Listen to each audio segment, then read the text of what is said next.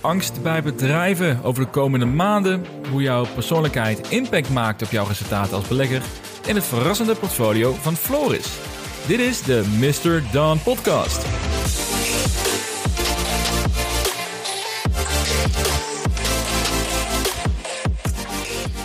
Een nieuwe maand, met nieuwe kansen. We zitten bijna halverwege het jaar en ik uh, denk dat er weinig beleggers zijn die met veel plezier naar 2022 kijken vooralsnog.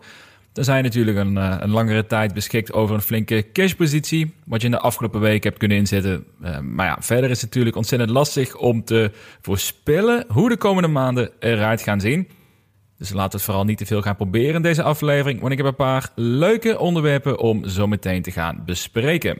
Allereerst hebben we uiteraard een blik op het uh, belangrijkste nieuws van de afgelopen week.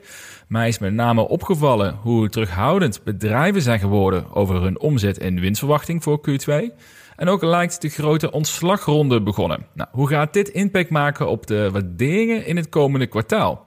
En daarna doen we een stapje terug. We gaan het namelijk hebben over hoe jij erachter kan komen hoe jouw persoonlijkheid matcht bij het type belegger. Want er is namelijk een persoonlijkheidstest genaamd MBTI, de Myers-Briggs Type Indicator, waarmee je kan vaststellen wat jouw type persoonlijkheid is. Nou, dit wordt veel gebruikt in het bedrijfsleven, eh, voor persoonlijke ontwikkeling of de samenwerking in teams te verbeteren. Maar omdat beleggen zo'n individuele aangelegenheid is, waar emotie ook met name een rol speelt, ja, denk ik dat we dit ook prima kunnen bepalen om te zien wat voor type belegger je bent ja, en wat jouw eventuele steekpunten of je valkuilen zijn. Nou, zelf word ik ontzettend blij om meer te weten over mijn persoonlijkheid, omdat ik daarmee inzicht krijg in wat ik kan verbeteren en waar ik op moet letten, zowel persoonlijk als zakelijk, maar dus ook als belegger.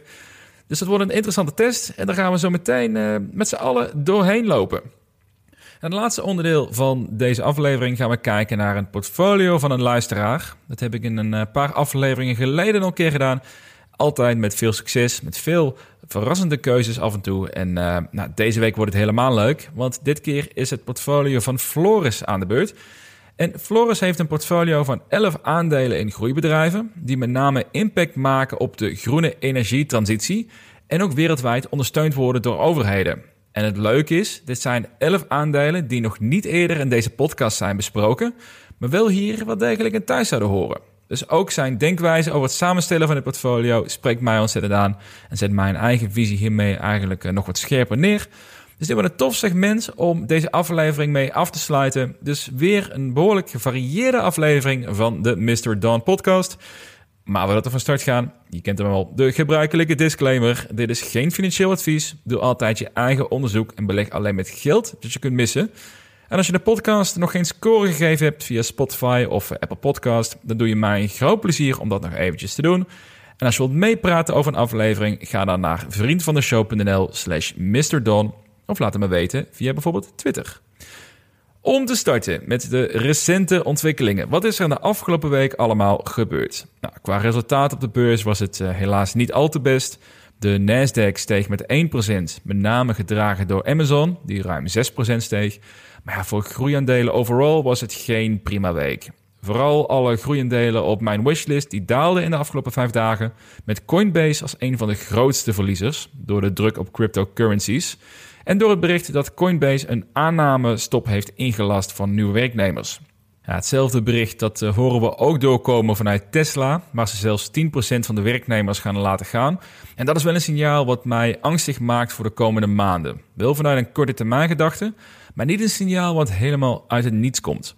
De afgelopen weken, of misschien de afgelopen paar maanden, is wel steeds duidelijker geworden dat er economisch pittigere tijden aan zitten te komen. Veel earnings van Q1 vielen al iets tegen, maar nu zien we ook dat bedrijven voortijdig een waarschuwing afgeven over hun aanstaande Q2-verwachtingen. Nou, Snapchat deed dat onlangs, waardoor de koers met 43% daalde. Daar zijn ze trouwens uh, nog lang niet van hersteld. Het is nog steeds 35% lager dan voor die melding twee weken geleden. Ja, en dat zo'n bedrijf als Snapchat komt met een waarschuwing, dat is één. Maar de afgelopen week kwam ook een megacap met een waarschuwing, namelijk Microsoft. En zij hebben aangegeven dat ze een lagere omzet en een lagere winst verwachten in Q2, met name door de impact van de wisselkoers. Nou, nu klinkt dat natuurlijk heel spannend, een uh, lagere winstverwachting. Maar ook hierbij wil ik blijven benadrukken, of misschien nogmaals benadrukken, ja, hoe belangrijk het is om rationeel te kijken naar de cijfers en niet alleen de koptekst te lezen. Op Twitter las ik namelijk uh, al veel berichten van grotere, nou, internationale beleggersaccounts. Uh, dat dit het signaal kan zijn dat de markt echt in elkaar gaat donderen de komende maanden. Uh, want als Microsoft een waarschuwing uitstuurt, terwijl het zo'n solide en ook een vrij voorspelbaar businessmodel heeft, ja, dan gaat de rest dit helemaal zwaar krijgen. En daar zit een zekere kern van waarheid in. Er is ook een reden waarom veel bedrijven stoppen met mensen aannemen en de, de broekriem aantrekken om hun uitgaven onder controle te krijgen. Maar de bijgewerkte verwachting van Microsoft, dat betekent concreet dat zij hun winstverwachting hebben verlaagd van 2,32 dollar per aandeel naar 2,28 dollar per aandeel. En dat is een verlaging van 1,7% van de winst in het aankomende kwartaal. En dat zegt niet meteen iets over hun jaarresultaat of dat de alle aanstaande kwartalen pittiger gaan worden. Maar voor specifiek Q2 hebben zij een winstverwachting met 1,7% naar beneden bijgesteld. Vorig jaar, Q2, was hun winst per aandeel 2,17 dollar. Dus dat betekent zelfs dat met deze bijgestelde verwachting dat Microsoft alsnog gaat groeien ten opzichte van een jaar geleden. En dat, die groei is dan een paar procent, of sorry, dat is een ruime procent, dus zeker geen grote sprong. Maar oké, het bedrijf groeit dus nog steeds. Dus dat betekent ook dat de verwachte PE-ratio, die gebaseerd is op winst per aandeel, dus ook het komende kwartaal weer iets aantrekkelijker lijkt gaan worden op basis van de afgelopen 12 maanden.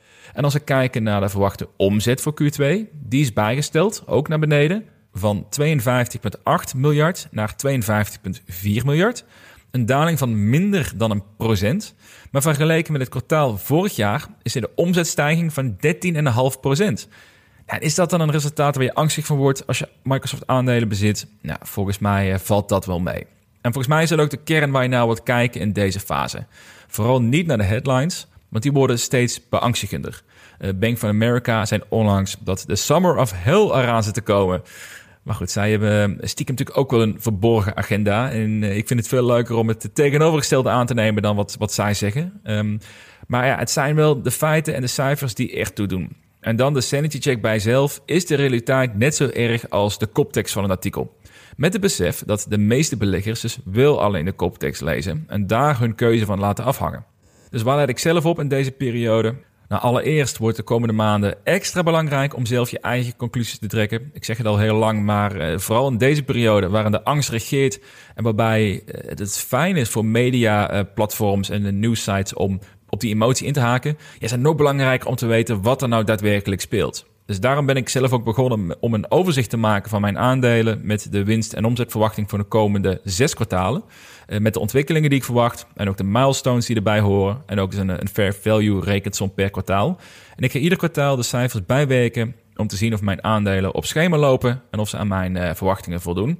En dat is nog work in progress, maar ik denk dat dit format over een tijdje wel deelbaar is aan de, de vrienden van de show. En ik denk ook dat dit echt gaat helpen om er rationeel naar te blijven kijken. Want naast het overzicht blijft ook met name de cashpositie van aandelen eh, ten opzichte van de uitgaven ontzettend belangrijk. Hier sprak ik in de vorige aflevering al over dat de kapitaalmarkt eh, steeds strakker wordt, waardoor het lastiger wordt voor bedrijven om financiering te krijgen. En in dat opzicht vind ik het geen probleem dat Desktop Metal onlangs voor 150 miljoen aan aandelen heeft uitgegeven, om ervoor te zorgen dat ze het komende anderhalf jaar kunnen blijven investeren in hun groei. Nou, de koers daalde dan wel met ruim 60 maar ja, omdat ik de actie begrijp, heb ik als reactie daarop flink aandelen bijgekocht. Maar ja, goed, hou er dus wel alvast mentaal rekening mee. Uh, zeker als je in groeiaandelen zit die nog niet winstgevend zijn, dat de kans groot is dat aandelen of dat bedrijven extra kapitaal gaan ophalen tegen misschien redelijk ongunstige voorwaarden. En met als gevolg dat aandelen kunnen gaan verwateren. Dus dat is zeker niet top voor beleggers, maar het is waarschijnlijk wel een belangrijke zet om ervoor te zorgen dat de bedrijven kunnen blijven groeien om te zorgen dat ze over drie of vijf jaar nou, die powerhouse worden die ze graag willen zijn. Maar goed, dit zijn wel dingen die je dus even moet beseffen en even doorheen moet graven. Want als je de artikelen leest, dan, dan zie je bijvoorbeeld dat uh, Desktop Metal uh, bij zo'n spreken 20% meer aandelen uitgegeven omdat ze punt staan van faillissement. Ja, dat, dat, ja, dat soort uh, nieuwsitems, daar wil je dus heel kritisch naar kijken van wat is realiteit en wat is um, sensatie eigenlijk in dit geval. Maar eigenlijk vind ik het daarom ook wel jammer om te horen dat bedrijven eh, zoals Coinbase en Tesla besluiten om een stop te zetten op nieuwe werknemers. Dat is uh, ook een belangrijk nieuwsfeitje van de afgelopen week. Uh, Coinbase heeft ervoor gekozen om zelfs om iedereen die al een aanbod heeft gehad van het bedrijf, om die aanbiedingen in te trekken. Terwijl ze onlangs nog iedereen hebben gemaild met het bericht dat dit niet zou gaan gebeuren. Ja, dat zegt ook wel iets over de angst die nu bij bedrijven begint te ontstaan. En dat ze echt de financiële broekriem moeten aantrekken over de komende periode. Tesla ontslaat zelfs 10% van hun werknemers. En Elon Musk heeft zelfs aangekondigd dat iedereen weer 40 uur per week vanaf het kantoor moet gaan werken. dat is ook best wel um, ironisch voor een bedrijf dat eigenlijk een hele industrie gedisrupted heeft. Dat ze eigenlijk een van de enige tech megacaps teruggaan naar een traditionele werkomgeving. En dat in tegenstelling tot bijvoorbeeld Apple, die onlangs hebben aangekondigd dat zij juist langer remote first blijven werken. En mijn inziens is dat ook de toekomst als je het beste personeel aan je wilt verbinden. Uh, want het is een keuze tussen lokaal personeel werven of eigenlijk internationaal werven. Even los van uh, fabrieksmedewerkers natuurlijk, waarvoor je echt op locatie moet zijn. En de keuze voor werknemers om wel of niet twee uur per dag of langer te moeten reizen om naar een kantoor te komen. Dus ik zou het wel weten en ik vind de keuze van Elon Musk daarom verrassend en ook teleurstellend. En ook jammer dat Coinbase ervoor kiest om terug te komen op hun uitgangspunt. Dat ze nou, juist willen blijven investeren in groei in deze periode.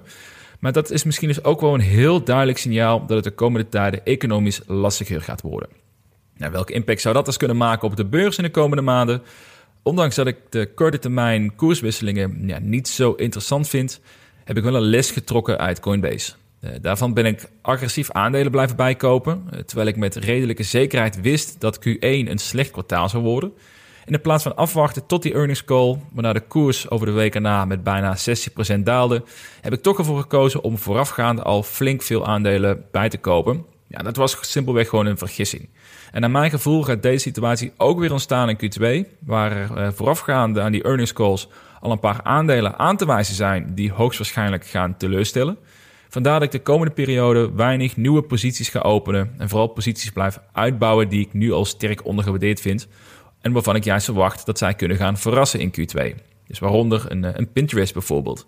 Dus lang verhaal kort, uh, houd er rekening mee dat we de komende weken en maanden overladen gaan worden door negatieve berichten over bedrijven die hun omzet en hun winstverwachting naar beneden gaan bijstellen en eventueel zelfs de Fed die de boel eh, strak blijft aantrekken.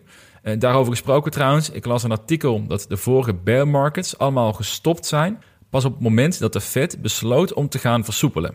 En dat is een scenario dat nu nog niet realistisch lijkt. Dus misschien dat we alsnog een periode met dalingen tegemoet gaan zien in de komende maanden. Maar uh, dat gaan we meemaken met z'n allen. Hierover kreeg ik twee vragen van luisteraars. Om te beginnen de vraag van Danny. Wanneer ben je vol begonnen met investeren en is dit achteraf een minder moment geweest? Nou Danny, ik ben begonnen met investeren net voor de pandemiecorrectie in januari 2020. Maar we zijn eigenlijk pas een half jaar later, dus rond september van het jaar, echt fors gaan investeren. En het ging een hele tijd goed. Mijn portfolio stond op een gegeven moment op uh, plus 50%. Maar ja, we weten allemaal dat het de laatste anderhalf jaar niet goed geweest is voor groeiaandelen. Was het achteraf dan een minder moment? Nou, uh, absoluut, absoluut. Maar goed, dat is achteraf gekeken en ik heb er ook geen spijt van. Het heeft mij namelijk veel geleerd over het serieus nemen van waarderingen. En dat je ook moet durven verkopen op momenten dat de markt euforisch is. Dus ondanks dat het mijn portfolio nu heel veel pijn gedaan heeft, de resultaten daar, uh, daar word je echt niet blij van, uh, ben ik wel blij dat ik dit heb meegemaakt. Want ik denk dat dit mij ontzettend gaat helpen over de komende 30 jaar dat ik in de markt zit. En ik denk dat dat ook de beste manier is om hiernaar te kijken. Want die resultaten, die, uh, nou, die corrigeer je toch niet meer. Die, die haal je niet meer terug. Die keuze heb je gemaakt. Dus je kunt het beste dan maar iets van proberen te leren. En de tweede vraag, die komt van Robert. In hoeverre houd je rekening met besluiten van de Fed en de impact op je beleggingen? En ik moet eerlijk zeggen dat ik hier geen rekening mee houd. Maar in het achterhoofd weet ik wel dat dit misschien een verkeerde keuze is. Want als we één ding hebben mogen leren de afgelopen jaren, dan is het don't fight the Fed. Uh, zij kiezen wanneer de beurs omhoog gaat en wanneer het corrigeert. Dat is uh, inmiddels wel heel duidelijk. En nu is er geen aanleiding om te denken dat de Fed de beurs gaat ondersteunen in de komende maanden. Mijn denkwijze is dat ik een portfolio heb waarbij de waarderingen al enorm zijn gedaald. In een sector waar institutionele beleggers ja, al volledig van zijn weggetrokken. Dus het zou gek zijn om nu te verkopen. Maar volgens mij is het logischer nu om te blijven zitten en iedere maand een eh, stukje bij beetje het portfolio uit te breiden bij deze aantrekkelijke prijzen. Maar ik moet wel zeggen, als ik nu volledig in cash zou zitten, dan zou ik uh, voorzichtig zijn met het instappen in deze markt. Dus uh, stapje voor stapje het portfolio uitbreiden en zeker niet uh, in één klap alles investeren, totdat de Fed een duidelijker signaal erover afgeeft. Thanks Danny en Robert weer voor jullie vragen. Dat wordt altijd gewaardeerd. tot zover de ontwikkelingen van de afgelopen week. Tijd om eens een blikje te werpen op jezelf. Want hoe heeft jouw persoonlijkheidstype invloed op jouw acties als belegger? Of wat voor een type belegger past het beste bij jou? Dus dit wordt het moment om je, jezelf te leren kennen. Tenminste, dat gaan we testen. Uh, allereerst als introductie, wat is de MBTI persoonlijkheidstest? Nou, sommigen zullen dit principe al kennen of uh, eerder hebben gedaan vanuit hun werk of uit persoonlijke interesse. Maar de Meyer-Briggs Type Indicator die verdeelt mensen over 16 verschillende persoonlijkheidstypes. dat gebeurt op basis van vier variabelen. Eigenlijk vier vragen die je zelf moet stellen. Uh, ben jij een extrovert of een introvert? Dus ben je liever op jezelf of ben je liever in een groep aanwezig? Heb je een voorkeur voor sensing of intuition? Betekent, kijk jij nu naar het nu, wat je nu kan zien en nu kan ervaren? Of kijk je juist naar de toekomst en naar nieuwe mogelijkheden waar de rest nog niet aan durft te denken? Dan heb je thinking of feeling. Maak jij beslissingen vanuit logica of vanuit gevoel? En de laatste is judging tegenover perceiving. Werk je vanuit een planning en maak je daar je beslissingen uit? Of werk je meer ad hoc met een open mindset over hoe je uh, iedere dag gaat invullen? Dus veel meer uh, in een flow eigenlijk. En dat zijn er vier variabelen van de MBTI-score. En iedereen heeft de voorkeur van één van beide richtingen. Dus als je een test doet, dan komt jouw voorkeur naar buiten en dan wordt een profiel bepaald. Dus stel je voor, je bent met name een introvert, je kijkt vooral naar het heden, je maakt keuzes vanuit de ratio en niet op gevoel en je werkt graag met een open mindset en open planning, dan ben je een, waarschijnlijk een ISTP. En in dat geval is dat de persoonlijkheidstype van de zogeheten virtuoos waar dan allerlei karaktereigenschappen aan vastzitten uh, over hoe jij hoogstwaarschijnlijk in de wereld staat. En het leuke van zo'n test is als je het goed hebt ingevuld, is dat je waarschijnlijk veel raakvlakken ziet met het profiel en hoe jij in elkaar zit. En dat helpt ontzettend om te merken wat jouw sterke punten zijn, uh, wat je zwaktes zijn, maar met name ook een stukje bewustwording over hoe jij primair in elkaar zit en waar jij dus op moet letten. En ik ben dezelfde afgelopen week hier druk mee bezig geweest, omdat het jou ook helpt om te beseffen dat niet iedereen hetzelfde is. Eh, persoonlijk ben ik een introvert. Eh, maar in mijn werk bij een mediabedrijf heb ik veel teamgenoten die heel erg extrovert zijn. Het verschil is, is dat zij met name energie krijgen van mensen om zich heen. Eh, maar dat ik na iedere avond de mensen om mij heen de tijd nodig heb om mezelf weer op te laden. Of dat ik tijdens een feestje, dat ik even 15 minuten een plekje voor mezelf zoek om even tot rust te komen, zoals het dan mooi heet. maar als je mensen hebt in jouw omgeving die het tegenovergestelde van je zijn, ja, dan voel je je al snel een buitenbeentje in zo'n situatie. En juist dit soort testen die bewijzen dat eigenlijk iedereen een eigen persoonlijkheid heeft en dat je juist niet zou moeten aanpassen aan je directe omgeving, omdat jij uit andere aspecten je energie haalt of, je, of daar juist heel blij van wordt. Dus ontzettend interessant om hier een uurtje of een half uurtje van je tijd aan te besteden om echt te snappen hoe jij intrinsiek in elkaar zit. Ik denk dat heel veel mensen daarvan uh, zullen profiteren. En uh, degene die ik de afgelopen weken over gesproken heb, die, uh, die kunnen beamen dat het hen ook echt heeft geholpen. Dus uh, zeker een aanrader. En een goede website om deze test te doen is 16personalities.com. Ik zet deze link ook in de show notes. Dan kun je binnen 10 minuten en zo'n 40 vragen die je moet beantwoorden, krijg je een, een goede beschrijving van jouw profiel. En het hoeft niet 100% te matchen. natuurlijk zijn er nuances die je niet uit 40 vragen gaat halen. Maar het geeft vast en zeker een interessant inkijkje in in een waarschijnlijk dominant deel van jouw persoonlijkheid. Dus ik zei al, dit heeft uiteraard impact op jouw persoonlijke leven en hoogstwaarschijnlijk ook op jouw carrière. Want uit onderzoek blijkt er namelijk dat er flinke verschillen bestaan tussen de inkomsten van mensen op basis van een persoonlijkheidstype. Zo blijkt dat de ENTJ, het profiel van de zogeheten eh, bevelhebber, die met charisma en overtuigingskracht de wereld naar zijn hand kan zetten, of naar haar hand kan zetten, dat zij gemiddeld 83.000 dollar per jaar verdienen. En zij verdienen gemiddeld het meeste geld van alle persoonlijkheidstypes. Daartegenover staat dat als jij een INFP bent, een zogenaamde bemiddelaar vanuit een meer idealistisch standpunt, dat je slechts 60.000 dollar per jaar verdient. Dus dat is toch een derde minder dan de profiel die ik net benoemde. Dus ook vanuit dat aspect interessant te zien hoe jij ervoor staat. En niet als een soort self-fulfilling prophecy. En zeker niet als een reden om in een slachtofferrol te kruipen. Eh, als jij aan de onderkant van die benchmark staat. Maar juist als stimulans dat je een extra stapje moet zetten in dat geval. Of als je aan de bovenkant zit, dat je juist hard moet blijven werken om jouw potentie op de werkvloer ook te benutten. Dus ook qua inkomsten heeft persoonlijkheid een stevige impact. Dan gaan we meteen de brug maken natuurlijk naar eh, deze podcast. Heeft het dan ook impact voor jou als belegger? En dat is natuurlijk de primaire vraag die ik vandaag wil beantwoorden in deze aflevering. En dat is een vraag waar geen keiharde onderzoeksresultaten voor zijn.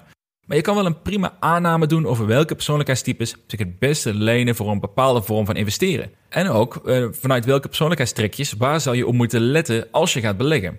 Nou, gemakshalve heb ik een paar artikelen gelezen die groepen met elkaar bundelen vanuit een, een overkoepelende mindset en daar ook een aanname aan hebben verbonden. Dus ik zal de groepen in de show notes zetten met het moment in de aflevering, zodat je ook makkelijker kan terughoren wat de conclusie is voor jouw specifieke persoonstype, zodra je die test uh, gedaan hebt.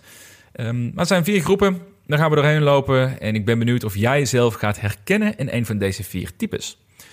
Om te beginnen met de eerste groep, dat zijn de zogeheten beschermers. En daartoe behoren de types ISTJ en ESTJ en ISFJ en ESFJ. Nou, deze persoonlijkheden die zijn doordachte lange termijnbeleggers die met name financiële zekerheid prettig vinden en ook niet snel met het geld zullen gaan gokken. dit zijn de meest risico-ontwijkende beleggers, die de superkracht hebben dat ze extreem geduldig kunnen zijn. Zij zijn de types die uh, enorm succes kunnen behalen door juist voor de lange termijn te beleggen in met name veilige assets zoals een indexfonds of een ETF. Eh, iedere maand kunnen zij blijven investeren zonder dat ze snel angstig worden van de beursomstandigheden. Hun nadeel is wel dat zij ook snel te voorzichtig kunnen worden. En we daardoor ook voor een langere tijd een hoge cashpositie aanhouden, omdat zij meer bang zijn om geld te verliezen dan om geld te verdienen. En als jij op dit moment nog een enorme berg aan cash hebt liggen en de afgelopen weken nog steeds geen aandelen hebt gekocht, dan is de kans uh, vrij groot dat je tot deze categorie behoort. De tweede groep zijn de zogeheten verkenners. De types zijn ISTP en ESTP en de ISFP en de ESFP. En zoals je al merkt, de eerste twee, eh, de introvert en extrovert, heeft eigenlijk weinig impact op, uh, op jou als belegger. Nou, dit zijn traditioneel gezien de risiconemers. Degene die het hoogst geconcentreerde portfolio aanhouden met risicovolle aandelen, met het doel echt om een 10x van je inzet eruit te halen. Nou, deze groep vindt het niet zo interessant om te lezen over beleggen, maar opent veel liever direct een brokers account en koopt risicovolle opties om vanuit de praktijk te leren wat er dan gaat gebeuren. Dat klinkt misschien een beetje als een negatief aspect, een beetje een Wall Street Bets-achtig eh, karakter. Maar stiekem blijkt deze groepen erg geschikt om succesvolle beleggers te kunnen worden, mits ze bewust zijn van de valkuilen. En doordat eh, verkenners met name actie en spanning zoeken, is de kans groot dat zij vaak hun strategie aanpassen, eh, op zoek naar de volgende boost aan dopamine. Zij vervelen zich sneller, dus dat is ook het type die met name ja, toch vaker een portfolio bouwt met slechts een paar high-risk aandelen en ook iedere maand weer kan aanpassen echt een soort eh, go big or go home strategie. En dit zijn de types die inderdaad soms gigantische resultaten boeken, maar ook diegenen die hun volledige spaargeld kunnen verliezen uit achterloosheid. Nou, tips voor deze groep beleggers is om die spanning op te zoeken met slechts een deel van je portfolio. Dus zet 80% van je geld in uh, veilige ETF's en ga spelen met 20% van je vermogen. Dat is meer dan voldoende om waanzinnige resultaten mee te boeken zonder dat je jouw financiële toekomst op het spel zit. Ik meen dat uh, Peter Lynch ooit zei dat hij juist graag investeert in risicovolle aandelen, maar met slechts 1% van zijn vermogen. Want als het goed gaat, dan verdien je linksom of rechtsom sowieso een bak met geld. En als het slecht gaat, nou, dan ben je juist blij dat je er weinig geld in hebt zitten. En dat is waarschijnlijk een, uh, een extra wijze les voor deze groep beleggers. De derde groep is de idealist of de diplomaat. Dit is de groep waar de ENFJ en de INFJ en de ENFP en de INFP in, uh, in thuis hoort. Deze groep vindt het belangrijker om de zin van het geld te, eh, te begrijpen dan echt de praktische waarde van geld. Zij vinden het belangrijk om te beleggen in bedrijven die bij hen past qua waarden en principes, dan per se het maken van rendement. En voor hen is beleggen meer een soort verlengstuk van zichzelf. Ja, dit zijn de beleggers die er bewust voor kiezen om te investeren in, uh, in duurzame aandelen of in groene energie, omdat zij hiermee de toekomst beter willen maken. Dus beleggen in een Shell of in een Nestlé is echt onvoorstelbaar voor deze groep beleggers. Het zijn, je zou misschien een bepaalde vorm zou je het uh, impactbeleggers mogen noemen. Het voordeel van deze groep is dat zij geduldig kunnen zijn met hun investeringen, omdat ze niet kijken wat de koers van bijvoorbeeld Beyond Meat doet op korte termijn, maar ze willen vooral het gevoel hebben dat zij Beyond Meat steunen als een bedrijf die de toekomst beter maakt. En dit zorgt ervoor dat zij minder vatbaar zijn voor emotionele aan- of verkopen in hun portfolio. En deze beleggers doen met name aan buy and forget. Stiekem best een goede vorm voor het behalen van rendement. En ze zijn erbij gebaat om meer te kiezen, toch wel vanuit een index die gericht is op duurzame bedrijven, dan het kiezen van individuele aandelen. Ja, omdat ze vanuit emotie nou niet per se de beste of de meest aantrekkelijke investeringen maken als je kijkt naar rendement. En ze kijken toch eens minder naar wat de waardering is op dit moment. En of Beyond Meat, of dat nou een, eh, een PI-ratio heeft van 1000 of van 30, dat zal hen minder jeuken. Zij willen gewoon investeren in Beyond Meat omdat ze in het bedrijf geloven. Ook een prima uitgangspunt, ook een richting, maar ja, niet per se altijd de beste richting voor het, uh, het maken van veel rendement. Maar goed, dat is dus ook dus niet hun primaire drijfveer in veel gevallen.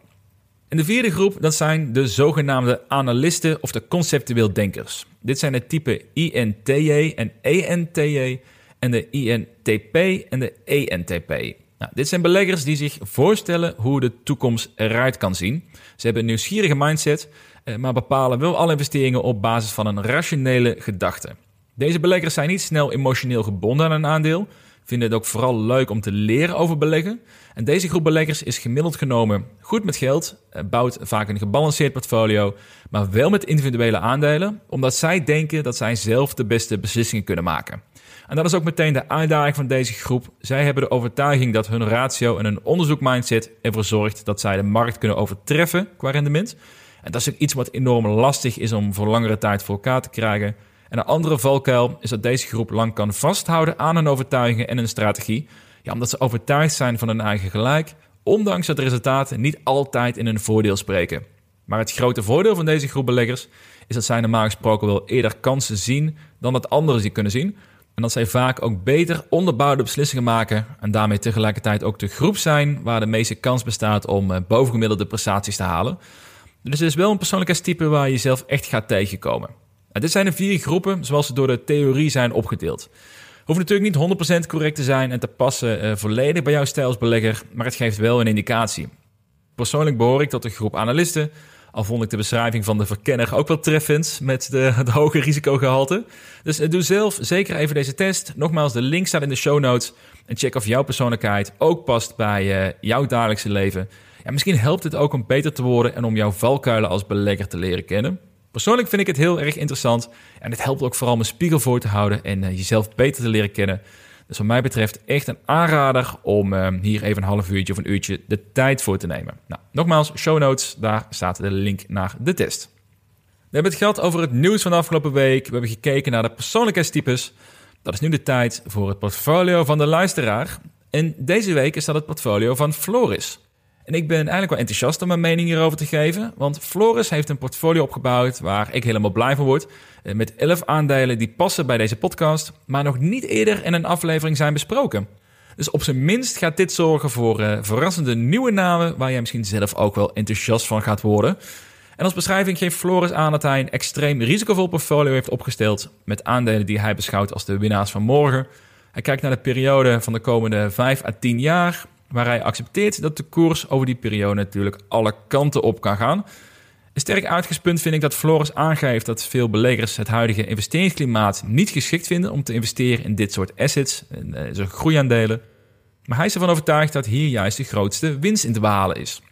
Met het uitgangspunt dat institutionele beleggers het geld van hun klanten nu juist investeren in value-aandelen en zodra zij terugkomen om uh, dit soort type aandelen, om daar weer op in te stappen, zodra de, de nou, bewezen winsten er zijn, ja, dan zij dus voor een fors hoger bedrag zullen moeten gaan inkopen dan wat nu het geval is. En daarbij het extra argument dat dit soort aandelen de afgelopen maanden al flink zijn leeggelopen en de hype eigenlijk volledig is verdwenen. Ja, persoonlijk vind ik dit een uitstekende manier om er naar te kijken. Iets waar ik mij ook helemaal aan kan vinden. Dat, dat, iets wat ook past bij deze podcast als je al langer naar deze podcast luistert de afgelopen paar afleveringen heb ik ook uitgelegd hè, dat, dat institutionele beleggers een complete 180 graden hebben gemaakt van groeiaandelen naar value-aandelen. En dat met name tech-aandelen al vele jaren niet meer zo goedkoop zijn geweest als nu. En de afgelopen week las ik ook een artikel dat small caps, dus aandelen met een waardering onder de 2 miljard dollar, in 24 jaar niet zo goedkoop zijn geweest als nu. Dus in die zin volg ik Floris volledig. Dat dit een eh, geweldig moment is om een portfolio in groeiaandelen op te bouwen zolang de rest van de markt dit soort aandelen links laat liggen. Want die omslag die gaat er, zoals altijd, ook weer komen. En dan zijn dit ja, toch het type aandelen die het snelst en het hardst zullen gaan stijgen eh, zodra de markt weer gaat rebounden. Een sterk bijkomend argument van Floris is dat hij met name investeert in bedrijven met disruptieve groene technologieën vanwege de ondersteuning vanuit de overheden en de EU. Dat vind ik een slimme zet, want dat geeft dit soort bedrijven de mogelijkheid om relatief goedkoop kapitaal op te halen of middels subsidies hun producten of diensten aan te bieden voor een uh, serieuze korting aan consumenten of bedrijven. En net zoals dat jarenlang is geweest met elektrische voertuigen, waar je uh, nou, een fiscaal aantrekkelijke regeling kreeg om daarmee de adoptie te verhogen. We hebben natuurlijk ook jarenlang uh, praktisch geen bijtelling betaald voor elektrische rijden in Nederland. Dus dat, dat is denk ik een goed voorbeeld. En een slimme zetting van Floris om juist op dat soort bedrijven te investeren. Zeker als dat een domein is ook waar, waar je kennisdomein in ligt. Nou, dan is het tijd om te kijken naar het daadwerkelijke portfolio van Floris. Hij heeft twee aandelen die praktisch de helft van zijn portfolio betekenen. En de overige negen die de rest van zijn waarde evenredig verdelen. Om te starten met de twee grootste posities. Het eerste aandeel is Neo Metals, een Australisch bedrijf die zich richt op het recyclen van batterijen, maar zich ook richt op het mijnen en recyclen van een soort titanium en vanadium. Volgens Floris is hun grootste voordeel dat ze een gepatenteerde technologie hebben, waarbij het niet uitmaakt hoe de batterij eruit ziet in de toekomst, omdat zij met hun technologie eigenlijk overal de waardevolle materialen uit kunnen halen. Ook is hij enthousiast over de CEO, zijn er deals met Stelco en Mercedes die de batterijen blijven aanleveren. De uitdaging kan wel zijn dat als fuel cell auto's de overhand krijgen, dat er daardoor eh, minder lithium-batterijen nodig zijn. Maar Floris verwacht niet dat dit gaat gebeuren. En ik ben ook overtuigd dat elektrische auto's en lithiumbatterijen de komende jaren fors in vraag zullen blijven stijgen. Dus een interessante keuze om bijna een vierde van het portfolio in dit bedrijf te investeren. Het bedrijf is een kleine 700 miljoen dollar waard. Ik vind het lastig om echt actuele financiële cijfers te vinden. Maar als je erin gelooft dat elektrische voertuigen en ook de bijhorende batterijen een groeimarkt zijn, ja, dan is wel een type bedrijf die flink kan gaan profiteren van die trend. Zijn tweede grote positie, ook bijna 25% van het portfolio, is Geomega Resources.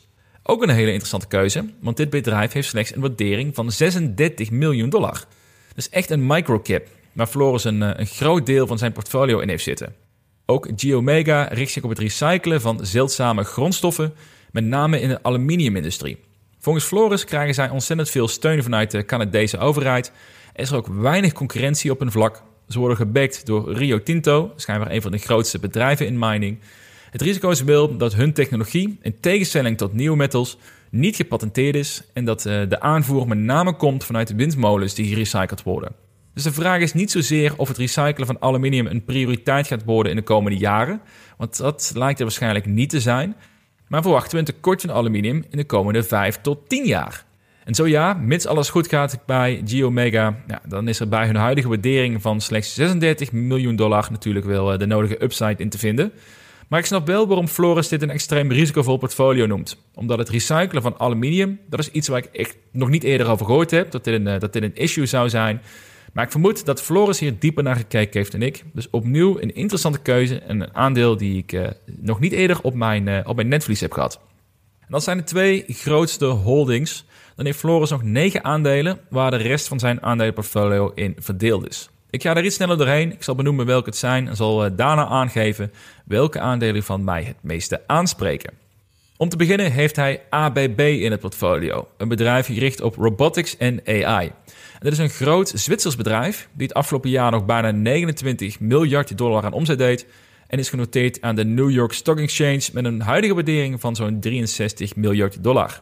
Zijn sterk winstgevend, hebben de afgelopen 12 maanden ruim 4,6 miljard dollar netto winst gemaakt, ondanks dat hun omzet eigenlijk de afgelopen vier jaar eh, stabiel is gebleven. En dat is best wel een opvallend gegeven. Is iets waar ik uh, misschien wel verder in wil gaan duiken, want hun winst is echt enorm gestegen trouwens in die periode. Nou, volgens Floris is hun grootste voordeel dat ze een brede exposure hebben in verschillende markten, zoals uh, smart cities, automotive, 3D-printing en meer. Leuke keuze. Ik heb nog niet eerder van het bedrijf gehoord, terwijl het toch een flinke waardering heeft en ook in een sector aanwezig is waar mijn interesses in liggen. Dus ABB kan nog wel een leuke zijn om daar een keer naar te kijken. Het volgende aandeel is Dassault Systems. Dit is een Frans bedrijf die software bouwt die gespecialiseerd is in 3D-ontwerp. En dat voor een eh, brede groep aan klanten. Van high-tech bedrijven tot home, lifestyle en eh, vliegtuigbedrijven. Het bedrijf is 52 miljard dollar waard, is ook een grote speler. En volgens Floris wordt hun software gezien als een van de beste ter wereld. Nou, het voordeel van een software as a service business model, dat is traditioneel de hoge marges die ze halen. De netto marges waren het afgelopen jaar slechts 16%, minder dan ik zou verwachten bij zo'n bedrijf. Maar ze verwachten wel structurele verbetering van de marges in de komende jaren. Ik las dat ze in de komende jaren verwachten naar 20% eh, op te trekken. Maar ja, met een verwachte PI-ratio van 52 in het komende jaar zullen ze ook wel uh, moeten werken aan hun winstgevendheid. Dan het aandeel Everfuel, een bedrijf gericht op hydrogen. Zij zijn betrokken in de volledige keten van het hydrogen-netwerk, behalve de fuel cells zelf. En hierdoor hebben ze een uh, hoge exposure binnen de hele markt. Een nadeel, zoals Floris beschrijft, is dat het een extreem competitieve markt is met grote spelers die allemaal veel kunnen investeren.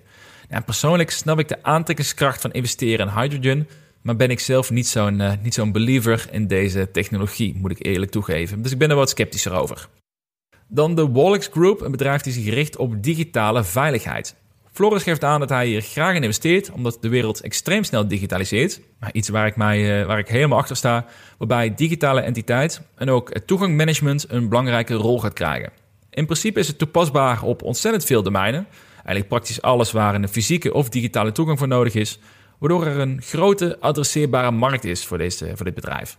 Het lastige van het aandeel is dat er vrij weinig informatie over te vinden is om echt goed een, eh, een doortastende analyse te kunnen maken. Aandeel nummer 7 van de 11, dat is Weebit Nano. Een semiconductorbedrijf met een zogenaamde resistive RAM. Nou, dat is iets wat echt buiten mijn kennisdomein ligt. Eh, het bedrijf is gewaardeerd op zo'n 440 miljoen dollar. En Floris heeft er veel vertrouwen in vanwege het extreem bekwame team en de, opnieuw de grote adresseerbare markt. De uitdaging ligt erin dat de chipwereld vol zit met grote bedrijven met enorme budgetten. En de vraag is of de technologie van Weebit onderscheidend genoeg is om daartegen te kunnen concurreren.